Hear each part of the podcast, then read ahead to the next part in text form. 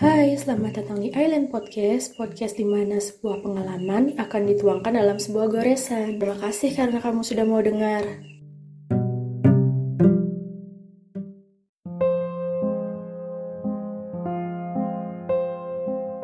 Namaku Malvi, siswa kelas 12 jurusan IPA. Benar sekali, sebentar lagi aku lulus dari sekolah ini. Ada banyak hal yang terjadi selama aku di sini termasuk tahu fakta jika aku merupakan salah satu siswa populer dengan prestasi akademis yang cukup baik. Tidak bisa dipungkiri, itu juga membuat banyak anak perempuan yang kagum, hingga mereka rela meluangkan waktu untuk memberiku perhatian.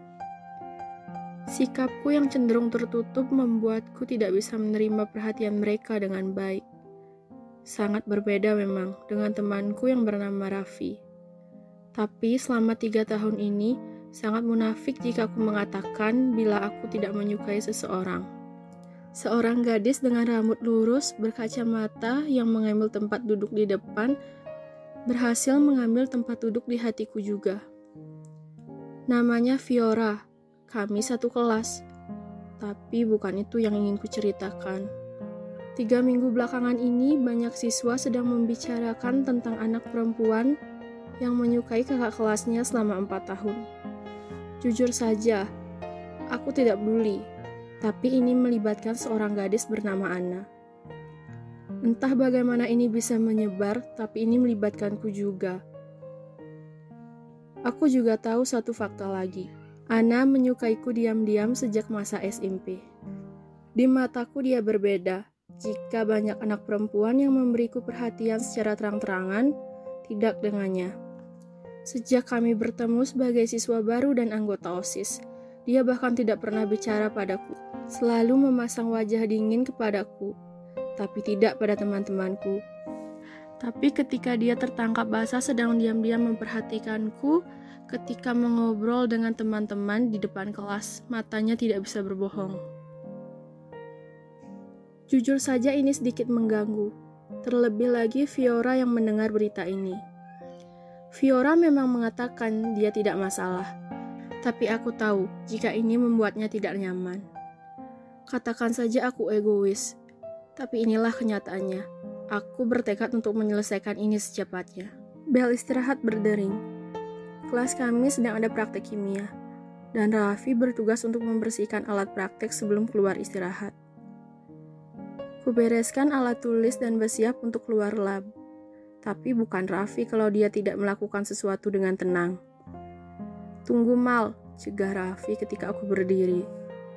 Kenapa lagi? Tanyaku. Melihat cengirannya saja sudah ada gelagat yang tidak mengenakan. Raffi menyuruhku untuk mendekat dengan tangannya. Gantiin dong, ucapnya. Ah, itu tugasmu. Udah ya aku keluar dulu. Tolakku, benar saja. Belum berjalan saja, tanganku sudah ditarik. Malvi, ayolah, sekali ini aja. Laper banget nih. Kalau mbahku kamu mau tanggung jawab. Lah, kenapa jadi ngancem sih? Tanyaku. Ya udah ya, pergi dulu. Nanti ku traktir deh. Belum ku jawab, Raffi sudah pergi. Dia bahkan sudah membawa alat tulisnya. Kebiasaan emang tuh anak.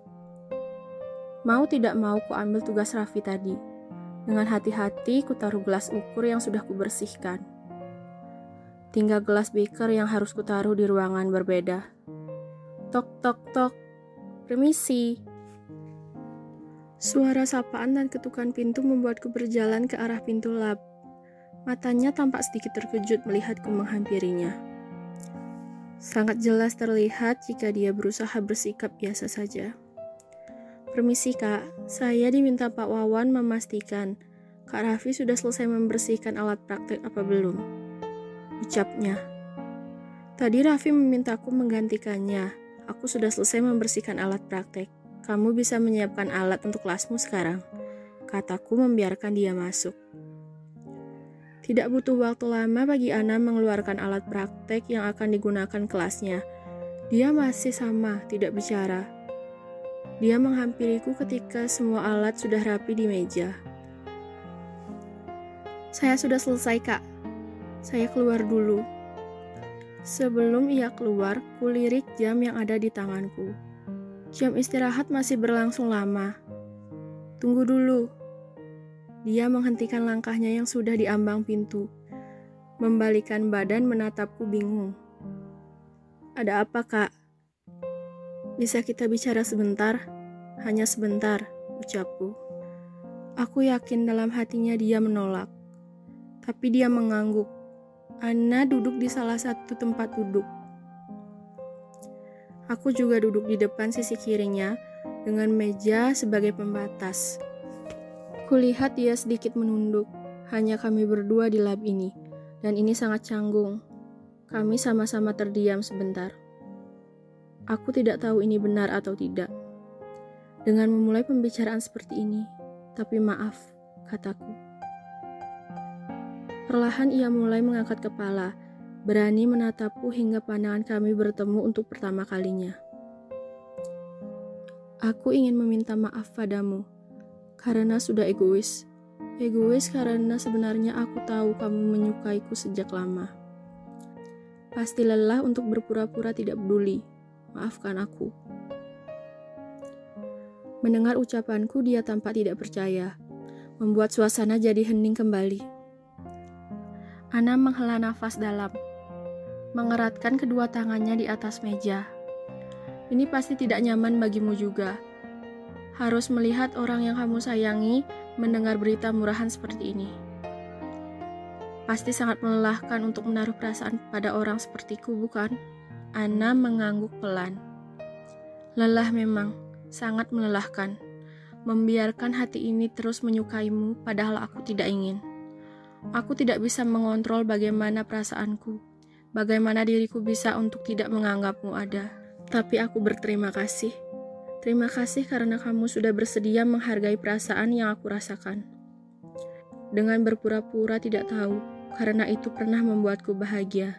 Bersamaan dengan bunyi bel masuk kelas, Ana bangkit dari posisi duduknya, meninggalkanku yang masih duduk dengan melihatnya menjauh.